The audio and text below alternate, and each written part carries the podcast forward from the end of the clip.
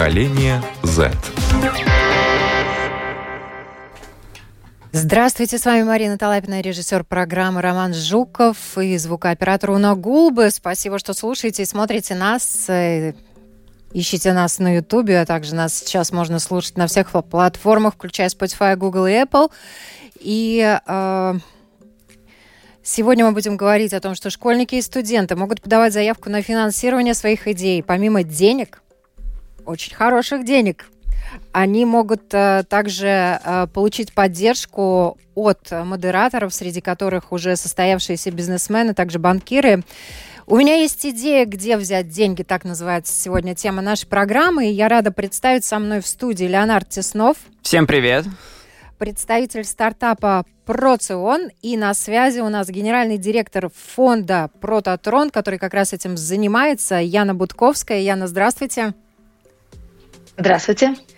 И также один из участников этого проекта, который тоже уже э, получил финансирование и поддержку, руководитель проекта Waste Locker Марк Скляров. Марк, привет. Привет. И, э, конечно, первый вопрос я на вам. Прототрон, что это такое? Угу. Рассказывайте, а мы это покажем. Фонд... Да, хорошо. Тогда э, Прототрон это фонд поддержки технических стартапов на их самой ранней стадии развития. То есть мы э, приходим на помощь или помогаем развиваться стартапам, которые только в самом своем пути. Очень часто это этап, который мы называем э, team and dream, то есть команда и мечта. Это два-три друга, подруги, которые вместе собрались, что-то придумали, первые первые какие-то прототипы или первые какие-то э, попытки показать, что они хотят сделать для этого мира у них есть, и они тогда приходят к нам, потому что э, им не хватает больше своих собственных ресурсов для того, чтобы развивать идею, и им нужны либо помощь менторов, либо дополнительные финансовые вливания, либо контакты. Ну и как раз вот то, что у вас и заявленная идея есть, да, но велосипед без цепи не едет, а вы как раз являетесь тем самым и велосипедом, и цепью, который помогает двигаться и продвигать эту идею. И вот вообще, как давно вы существуете? Вообще Прототрон был создан в 2012 году, поэтому в этом году мы будем отмечать свое десятилетие осенью. И за это время мы поддержали уже больше 90 команд, а, в общей сложности суммы свыше 1 миллиона 200 тысяч евро. То есть это такая уже машина, которая долго работает, и поэтому, да, у нас есть что рассказать и что показать. И э, мы знаем, как, как совсем-совсем молодые стартапы развиваются и что им нужно на самых первых э, днях и месяцах их развития. Наверное, поэтому мы так долго и успешно живем. Ну, дай бог вам удачи, потому что действительно дело благое, интересное. Я сейчас обращаюсь к участникам еще нашей сегодняшней программы, дискуссии. Леонард, вот расскажи, как ты услышала про Татроне со своими друзьями и как вы решились принять участие? А, у нас была идея и команда. У нас там э, у нас в команде есть одна женщина, ей 40 лет, и она как бы, и она работает в сфере финансов, и она более-менее понимала все это. И предложили пойти, мол, давайте пойдем на Прототрон, они нам, они нам могут принести деньги и помочь э, так сказать, придать форму идеи, чтобы она была более продаваемая. Ну и мы пошли, и получилось, попали в топ-10. Ну, поделись идеей, если не секрет, конечно. А. Если это не коммерческая тайна. Давай лучше не буду. Ладно, хорошо, пока коммерческую тайну сохраним, но, может быть, своей коммерческой тайной с нами поделится э, Марк и расскажет, с какой идеей вы пришли на Прототрон и вот что, собственно говоря, вам помогло получить э, поддержку. Э, да, конечно. Я как бы делиться могу долго, но я постараюсь как-то более коротко. То есть э, наша идея как Waste Locker – как она звучит, что waste это как отходы, и locker это как а, запирающийся такой шкафчик.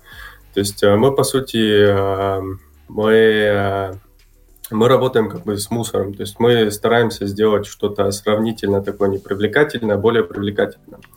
А, у нас такой как сервис, и который помогает, по сути, во-первых, окружающей среде, а во-вторых, экономить. То есть на чем он основан? Это то, что у нас универсальный модуль, а, который можно установить на любой, по сути, мусорный контейнер, и он измеряет наполняемость, во-первых, и, во-вторых, тип отходов, который туда кладется. То есть мы можем сказать, например, в пластиковый контейнер попали не те отходы.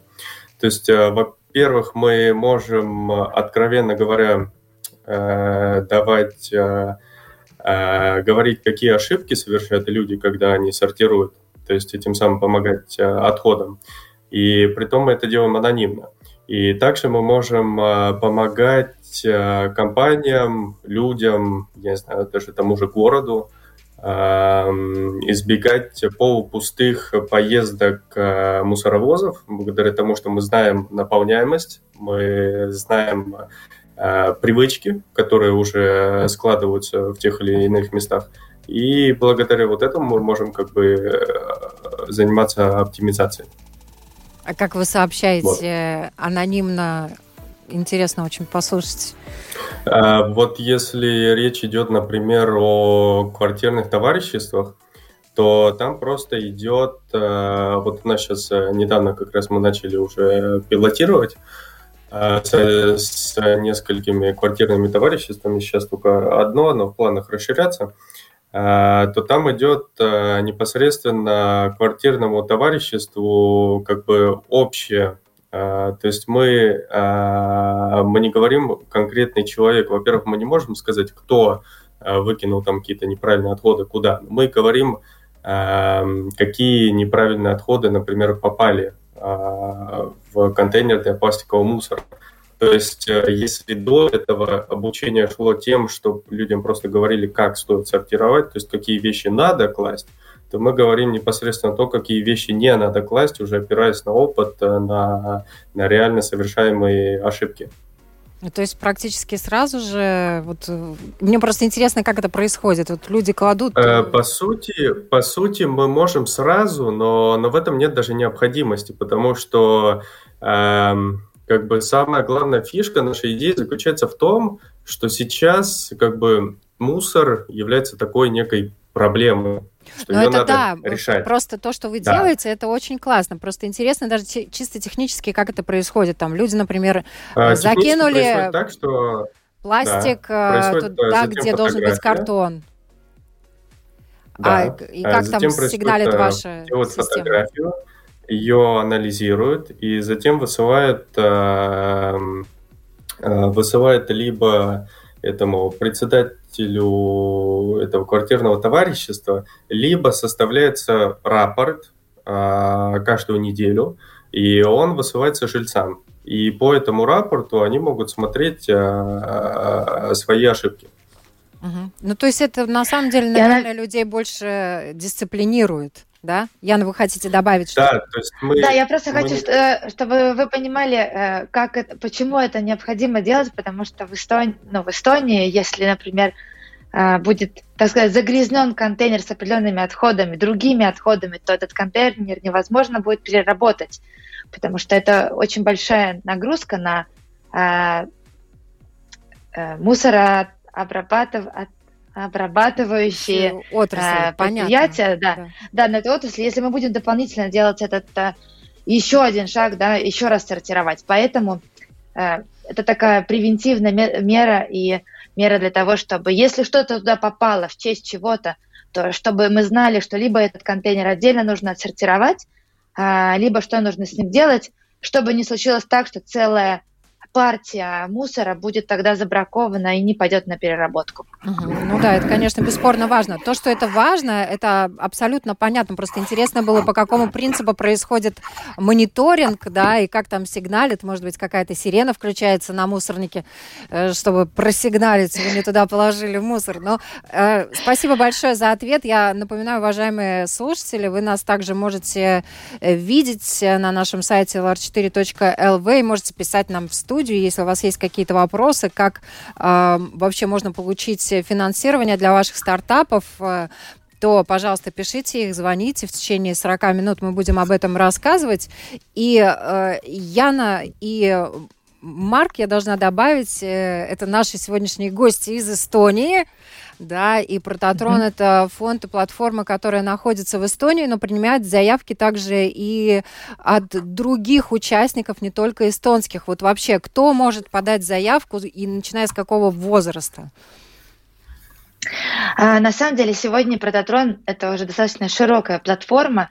А помимо а, обычного раунда, где принимали участие и Марк, и Леонард, у нас есть теперь специально для молодежи отдельный прототрон Junior, как бы это не, а, не странно звучало.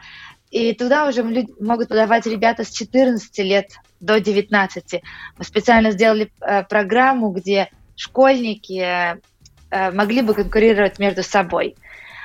А все остальные, в принципе, и даже 15-летние могут подавать большой прототрон, как мы для взрослых. А, и Всю программу мы перевели. На самом деле, в 2020 году весной мы подписали большой договор, и Прототрон стал эстонско-латышской платформой поддержки. А, но тогда случилась пандемия, и мы ни разу не успели сделать свою программу физически в Латвии. Но мы все, все перевели в онлайн, и сейчас из-за того, что мы живем в, онлайн, то поэтому, конечно, очень-очень легко принимать участие с разных стран.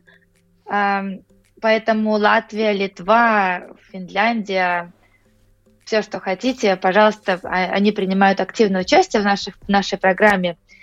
А, единственное, что а, когда мы решаем уже о том, чтобы выдать деньги, из-за того, что Прототрон это такая удивительная э, платформа, мы не, у нас нету европейских структурных фондов, у нас нету государственной поддержки – это спонсорская помощь а, частных а, фирм, которые базируются в Эстонии.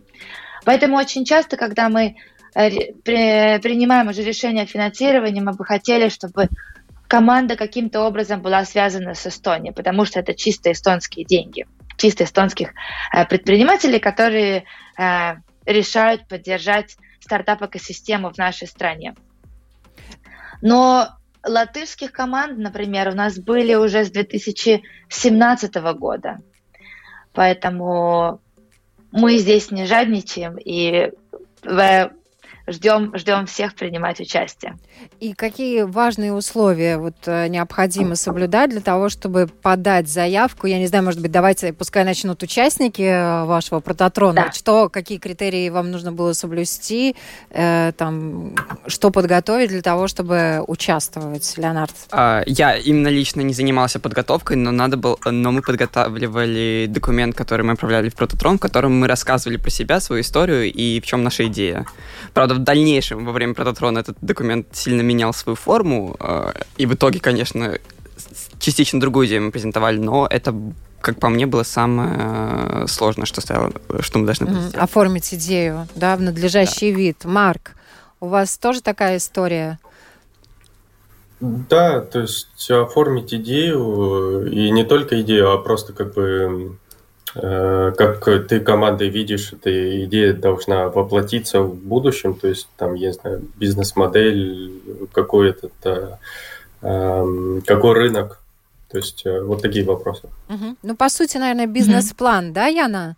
Это такой... Мы называем это бизнес, описание бизнес-модели и э, учим команд э, очень емко и четко выражать, что и зачем они делают. И даже называем этот документ, у нас такой есть, называется one-pager, то есть одностраничник. И по идее всю свою бизнес-модель, то есть какую проблему решают, как ее решают, в чем технологическое новшество, кто за этим стоит, то есть команда, на какие рынки пойдут, сколько денег заработают, как вообще будут деньги зарабатывать, что сегодня и что завтра все это должно поместиться на одну страницу, то есть на один А4. И в этом вся идея. А, потому что и то, что Леонард очень хорошо отметил, а, у нас есть форма ходатайства, это, в принципе, тот самый одностраничник, а, но потом в ходе программы мы еще очень много учим и менторим команды, чтобы они этот одностраничник оформляли правильно. Потому что наша задача связать и помочь потом командам идти на дальнейшее финансирование к э, инвесторам, надо понимать, что инвестор хочет прочитать достаточно емкое, емкий, краткий документ, чтобы он быстро понял, Э, что и зачем, и как он заработает деньги, и сколько он должен вложить, и когда и сколько он, он э, получит обратно. То есть, в принципе, этот документ не может быть большой, потому что инвесторы просматривают тысячи заявок в год. И если мы будем там на 100 страниц расписывать, какие мы хорошие, то это никогда документы не перечитаются. Поэтому это такое самое главное, что я очень всем советую. Э, просмотрите, что мы спрашиваем, на нашем сайте можно найти видео и э, некоторые статьи, где мы пишем, как лучше это все оформить. И пробуйте. И самое главное, когда вы рассказываете что-то, попробуйте на своих друзьях, которые не занимаются, то есть не знают, чем вы там, что вы там за идею придумали, или бабушке своей расскажите. Вот человеку, который как бы далек от того, что вы делаете. Если он поймет в течение минуты, что и зачем, и что этим вы еще пользу в мир принесете, вот тогда можно это уже писать. Вот, кстати... А если все очень сложно, то не надо. Тогда да. надо еще думать. Тогда ищите бабушку, да, тестируйте идею преподнесения идеи на бабушке. Тестировал?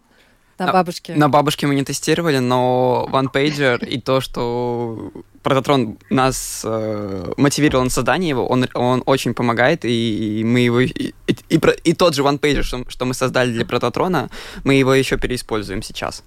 Ага, то есть, ну, это в любом случае очень э, классный, крутой опыт, э, умение преподнести свою идею, умение себя презентовать.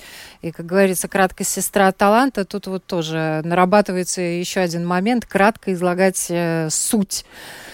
На самом деле это не очень просто уместить все в одну страницу. Конечно, это же краткость, это же сестра таланта, я про что и говорю. И э, Вообще у вас очень такие солидные суммы можно получить э, в поддержку, 35 тысяч евро для начала. Это, по-моему, очень хороший старт.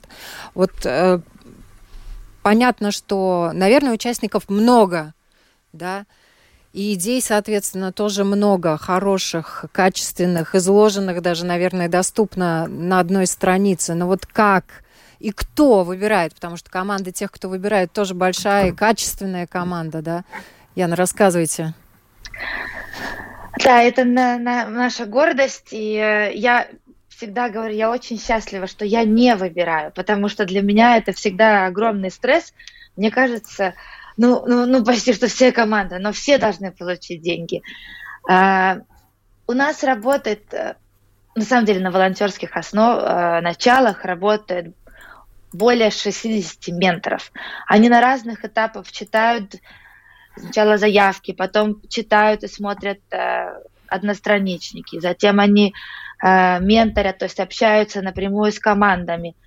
И вот в ходе всех этих действий у ментора всегда такой очень э, двоякая роль. Они, с одной стороны, помогают, э, и даже когда они оценивают заявку, я заявки, я очень прошу, чтобы менторы написали какую-то обратную связь, чтобы помочь в любом случае команде двигаться дальше, даже если она, например, не проходит в программу.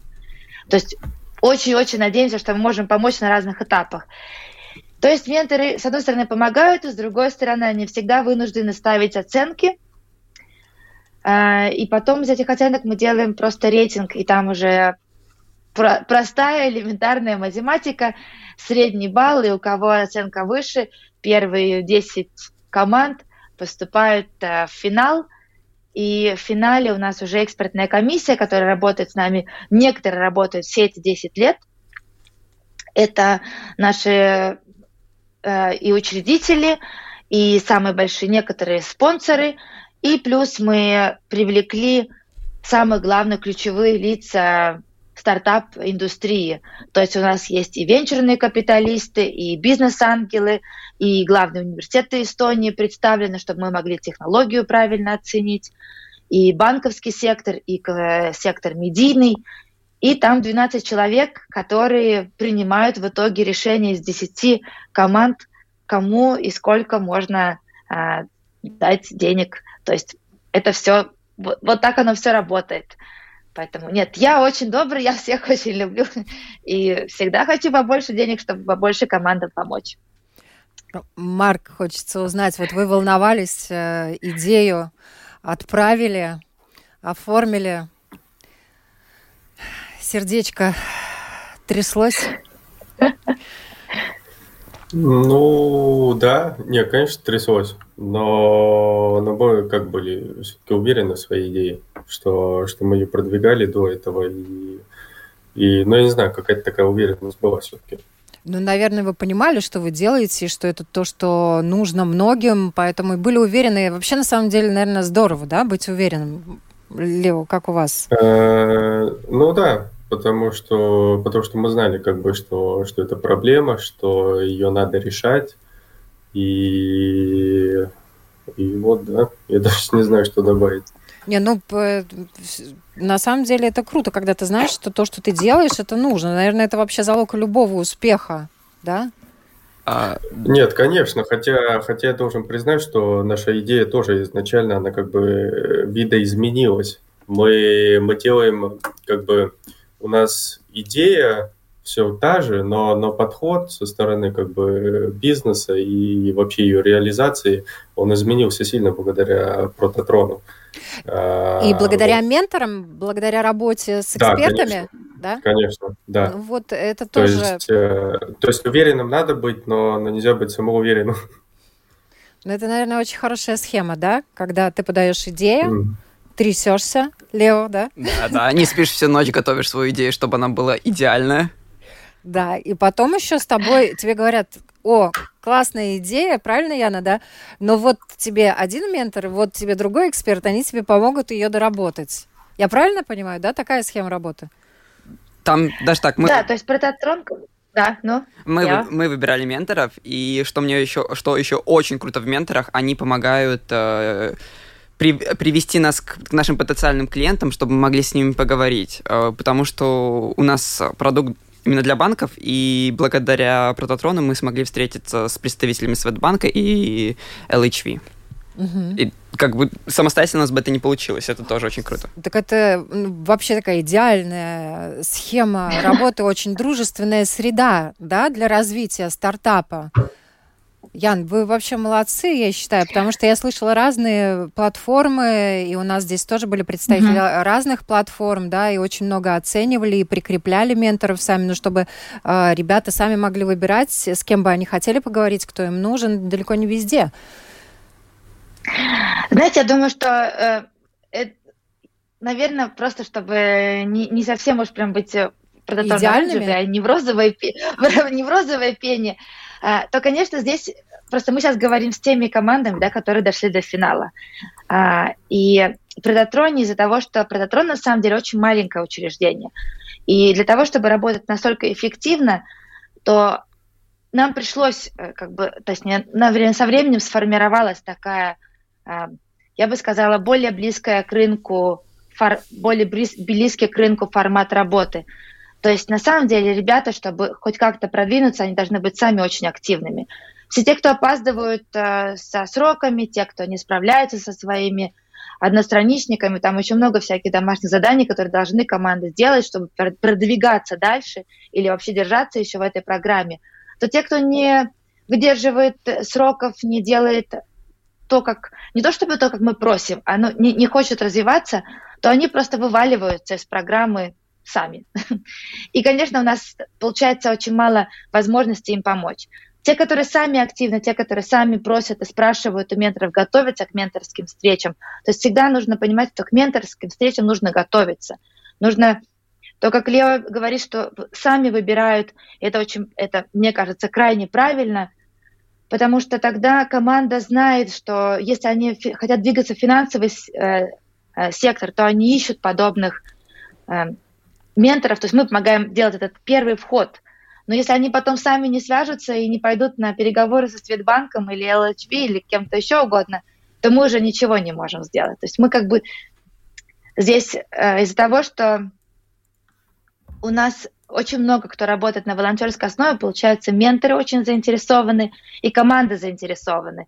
Менторы заинтересованы в том, чтобы знать, какие новые таланты двигаются – куда они скоро могут, быть, могут инвестировать, потому что практически все менторы а, либо связаны с венчурным капиталом, либо они сами бизнес-ангелы. Поэтому здесь а, это немного легко делать. Но это, конечно, все вот так сегодня выглядит с подачи Марка и Лео, только потому что они очень здоровские и сами очень активные. А те, кто не хотят, то мы не сможем их очень сильно тюкать. У нас нет на это ресурсов. Ну да, и времени на Что, с одной стороны, оправдывает себя. Бесспорно. А вообще много народу выбывает? Вот сколько стартует и сколько доходит до финала? Не из тех, кого выбрали, а вот реально готовы работать и развивать свою идею? Эм, сейчас в, э, в программу мы берем около 50 команд. Из-за того, что она онлайн, то мы можем это удюжить. И я бы сказала, что примерно 10-15% это те, кто органически, если так можно сказать, сами вываливаются. То есть те, которые не, э, не очень активно участвуют.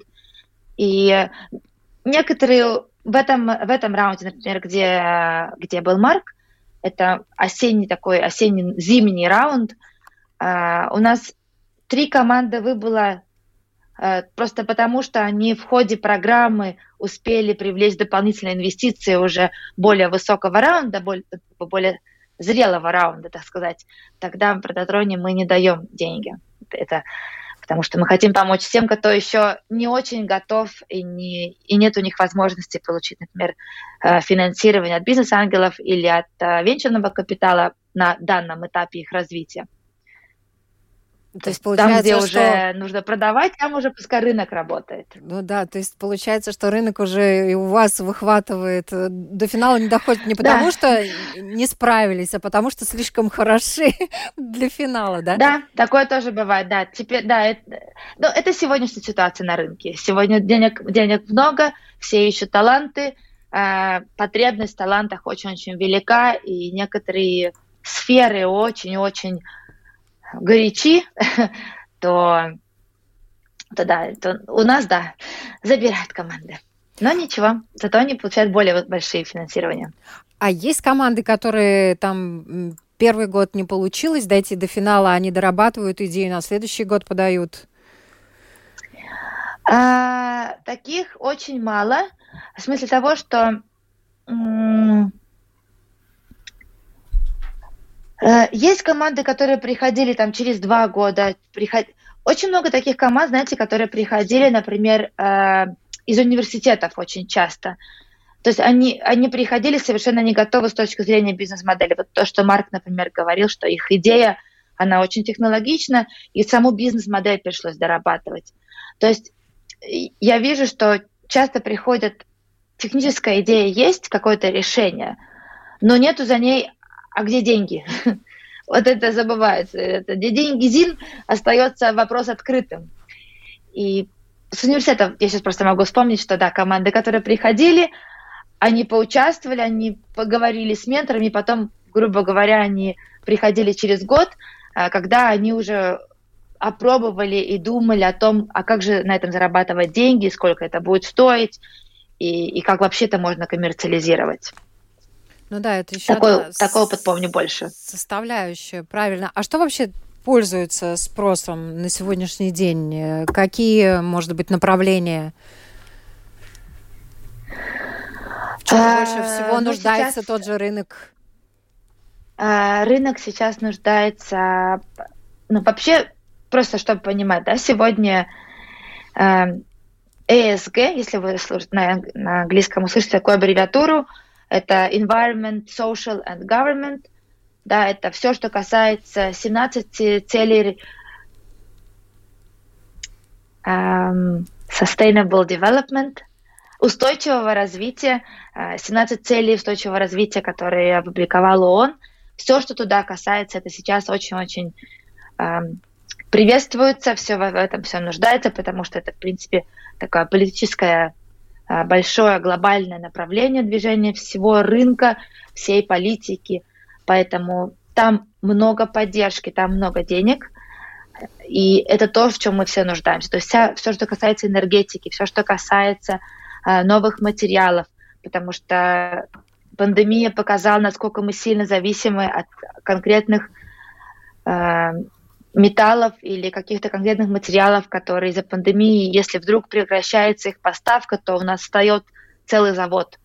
Да, то есть эти различные э, заменители различным материалам.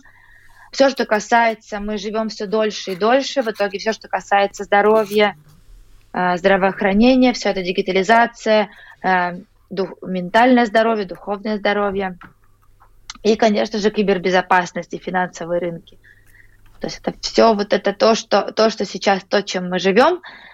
А, более того, даже мы в Прототроне уже сегодня, то есть этот раунд, который сейчас идет, точнее, только э, мы собираем заявки э, к 25 марта, мы его назвали зеленым раундом, потому что мы прям ждем, чтобы все команды, все, кто к нам приходит, чтобы они заполняли дополнительный пункт, а, как, каким образом вы, ваша идея а, оказывает влияние на устойчивое развитие. Потому что это сегодня крайне важно со всех аспектов, из жизненных аспектов, из аспектов а, геополитической ситуации и финансовой ситуации на рынке. То есть надо понимать, что мы будем пересаживаться на электрокары, мы будем искать замену нефти, а, мы будем искать замену некоторым материалам, мы будем э, думать, каким образом люди, живя уже больше 70-80 лет в среднем, а, чтобы наше качество жизни не падало с возрастом.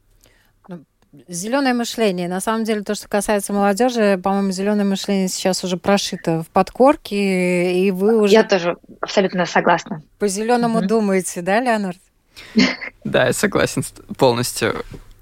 Э, покупать э, молоко в пластиковых бутылках, потому что оно перерабатывается за место бумажных, это достаточно по-зеленому.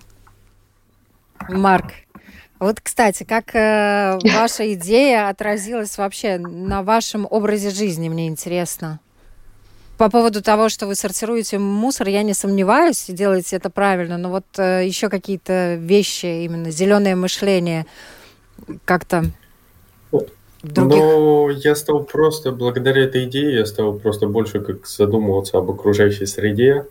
И, э, и ну, я как бы до этого, что связано особенно с мусором, я, я как бы был особенно как восприимчив, наверное, что если я, например, вижу где-то там на природе, в лесу там валяется мусор, ну, мне как-то неудобно, и, э, и охота поднять, э, вот. Но благодаря этой идее я как бы стал больше об этом задумываться и, и вот вообще обо всем об этом зеленом э, мышлении. То есть, то есть вот так. Я думаю, позитивно все. Ну, я знаю, что у нас некоторые ребята в поколении Z, э, которые принимали участие, мы не раз делали на тему э, зеленого мышления передачи, они вплоть до того, что они своих родителей, например, э, приучают и мусор сортировать, и с многоразовыми э, пакетами ходить в магазин, э, чтобы лишний да, раз пластик я... не использовать и так далее. У меня, конечно, родители как бы тоже сортировали, но я, наверное, им больше как бы стал говорить, как именно правильно сортировать, потому что, опять же, люди, они хотят сортировать, но, но они не знают, как это делать. Точнее, они, им кажется, что они знают, но какие-то такие ошибки они все равно допускают, и им надо просто показывать. Яна, а какие-нибудь образовательные проекты э, выигрывают тоже финансирование, конкурс у вас? Да, у нас э, два с половиной года назад была команда Футу класс. На самом деле они сделали очень классные, очень классный продукт и развиваются очень активно. У них в виртуальной реальности как бы такие виртуальные лаборатории. То есть э, физика и химия становятся в конце концов очень классные в классах, потому что вы можете все нормально там взрывать, э, чтобы изучать, как это что устроено.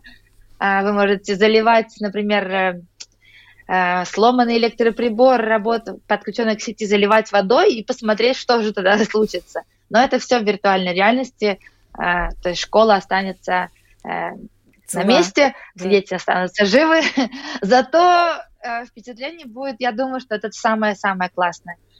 И я не зря сказ... Э, упомянула с, аббревиатуру SG, потому что э, вообще наука, конечно, наука и образование одно из самых глобальных вообще э, моментов. То есть как бы я думаю, что здесь тоже ребята, наверное, уже об этом отдельно не задумываются, потому что они понимают, точно так же, как и зеленость, точно так же, как и IT, то качественное образование, постоянное образо- самообразование, это становится такой неотъемлемой частью жизни. Наверное, без этого мы уже ну, просто, наверное, не, не можно.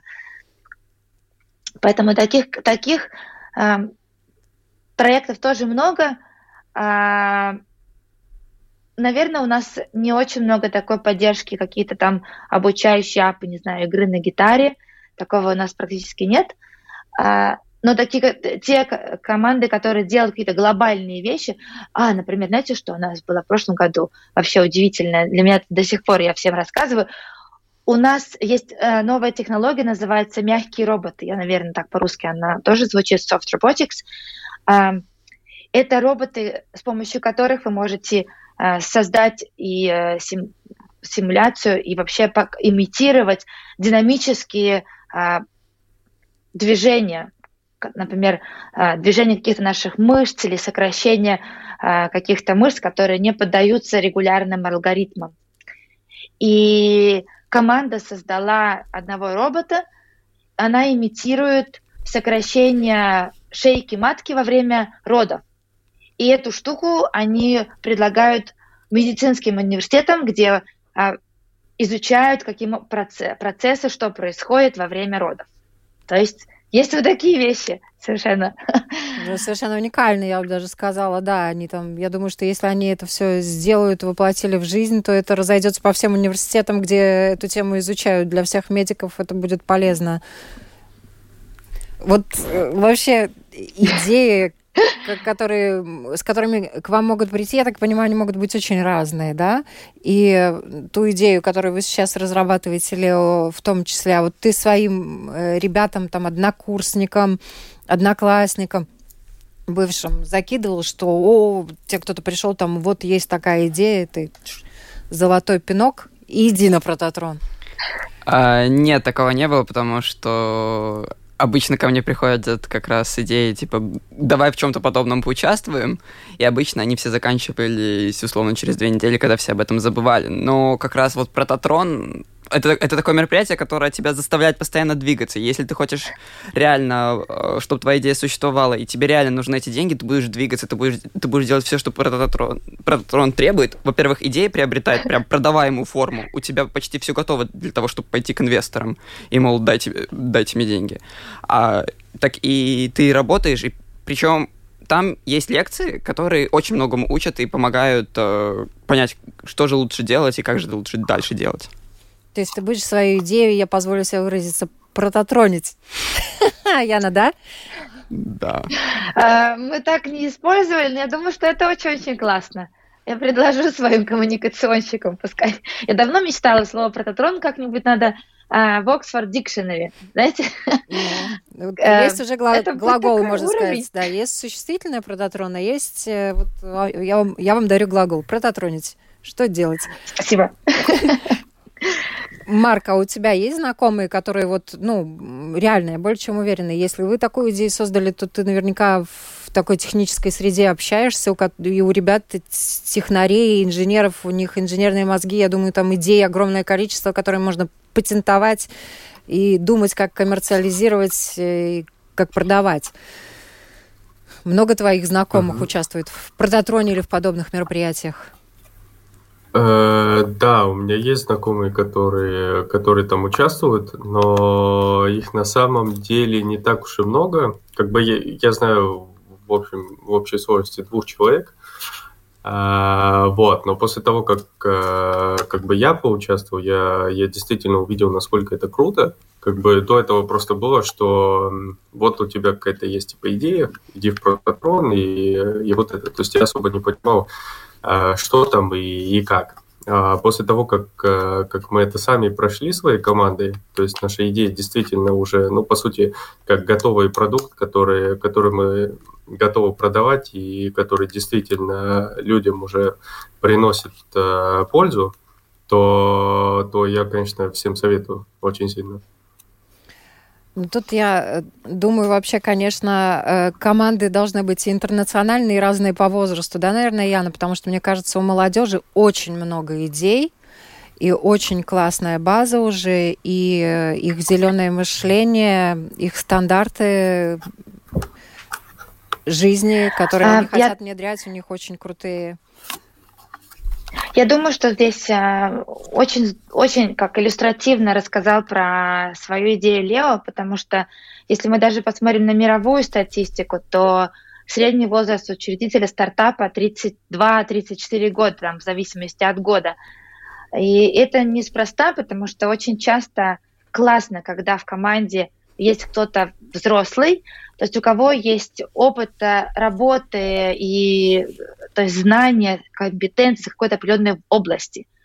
Но без молодых, которые все это умеют быстренько ших-ших-ших рассказать, показать, э, сделать, у них хватает этого запала, энергии и э, такой resilience, что и двигаться, на, на, настойчивости такого, да, двигаться дальше. Ну, то это, это такой самый-самый хороший вообще комбо, когда есть, да, взрослые, когда есть люди очень, да, хорошо из разных стран даже, или с опытом жизни в разных странах, а, потому что это тоже контакт, это тоже понимание о том, как другие рынки устроены, что то, что мы здесь видим, не значит, что, только, что оно так везде существует. И, конечно же, э, гендерно сбалансированные команды всегда тоже работают очень хорошо. Ребята, я вот Это хотела я очень, спросить. Очень да. надеюсь на девочек, э, которые нас слушают, что я очень жду как можно больше девчонок и женщин в Прототрон, а то эти инженеры, мальчики, их слишком много. Ага, девчонок вам не хватает. Я надеюсь, действительно, девчонки Нет, нас конечно. Слышат. Э, Марка, вот интересно, э, и девчонки в том числе, и как вы, как молодежь, готовы работать э, с людьми постарше, и как вы вообще оцениваете возможности людей постарше, потому что многие молодые люди считают, что в чем-то старшее поколение отстало от жизни. Эм, знаете, у нас, у нас как бы в команде с этим проблем нет, потому что у нас э, в общей сложности 5 человек. Э, четыре из них очень молодые, а пятый как раз ему, ему где-то 35. Но я бы не сказал, что он это уже как ну, пожилой. Пожилой, да, пожилой, но он все не равно надо старше. Обижать. Он все равно старше, чем, чем мы. И, э, и вот это как бы наоборот э, помогает, потому что, потому что я тоже иногда думал, у нас какие-то идеи рождаются, и я думаю, может, мы немного как это, утрируем, потому что мы молодые и все вот это, и если как бы вот он поддерживает ему 35 лет, то это значит, что все, эта идея здравая, значит, ее можно типа дальше рассматривать. Если нет, то, то надо что-то подумать еще. А девчонки у вас есть в команде? У нас, к сожалению, не было, но сейчас у нас появилась. А, она отвечает за, за коммуникацию и за наш этот, э, социальную медиа. То есть э, у нас теперь, да, слава богу, появилась э, девчонка. Так, у нас э, на самом деле, я бы сказал, это большая наша гордость в том, что у нас есть э, женщина, которая, она наш тимлид, который э, ей 40, и она работает в связи, связи у нее есть опыт работы и когда у нас горят идеи сумасшедшие, мы, мы там иногда дерзкие, э, иногда резкие в том, что мы делаем, она дает вот это споко... она говорит там, успокойтесь, давайте подумаем об этом нормально, эта идея плохая, идем дальше, или что-то такое. Она дает легкую какую-то стабильность, и когда мы работаем как бешеные, она направляет нас, и это реально, это самое большое, как по мне, это самое ценное, что у нас есть, потому что опыт и сумасшествие подростков э, опыт возраста и сумасшествия подростков вместе прекрасно срабатываются, если О, работать над крутой синтез. Вот. И я желаю всем тем, кто нас слышал, кто хочет принять участие, дерзайте, пускай сбудутся ваши самые, я не знаю, дерзкие фантазии, идеи, если они зеленые, если они принесут пользу мира, если их можно реализовать, то я думаю, что вам в этом помогут. И я, я надеюсь, подробно все вам рассказала. Спасибо большое за участие в нашей программе. Буквально два слова, Яна, в завершении напутствия людям, которые нас услышали, хотят принять участие в Прототроне. Просто заходите и просто делайте. Даже если первый раз не получится, Попробуйте структурировать свои мысли. Мы все перечитаем и дадим вам обратную связь. Иногда кажется даже, что ваша идея маленькая или наоборот, она сегодня технологически или вам кажется технологически невозможно, можно найти всегда с э, экспертами вариант, каким образом это можно сделать по-другому или что-то подобное где-то уже слышали, видели или пробовали, поэтому никогда не оставайтесь один на один. Если хотите попробовать, надо идти и делать. Единственная идея, которую нельзя никогда воплотить, это ту, которую вы не нач... над которой вы не начали работать. Да, так что все. Движение жизни. Спасибо все. большое. Я напоминаю, сегодня с нами был Леонард Теснов, а, Марк Скляров и Яна Будковская. Всем хорошего дня.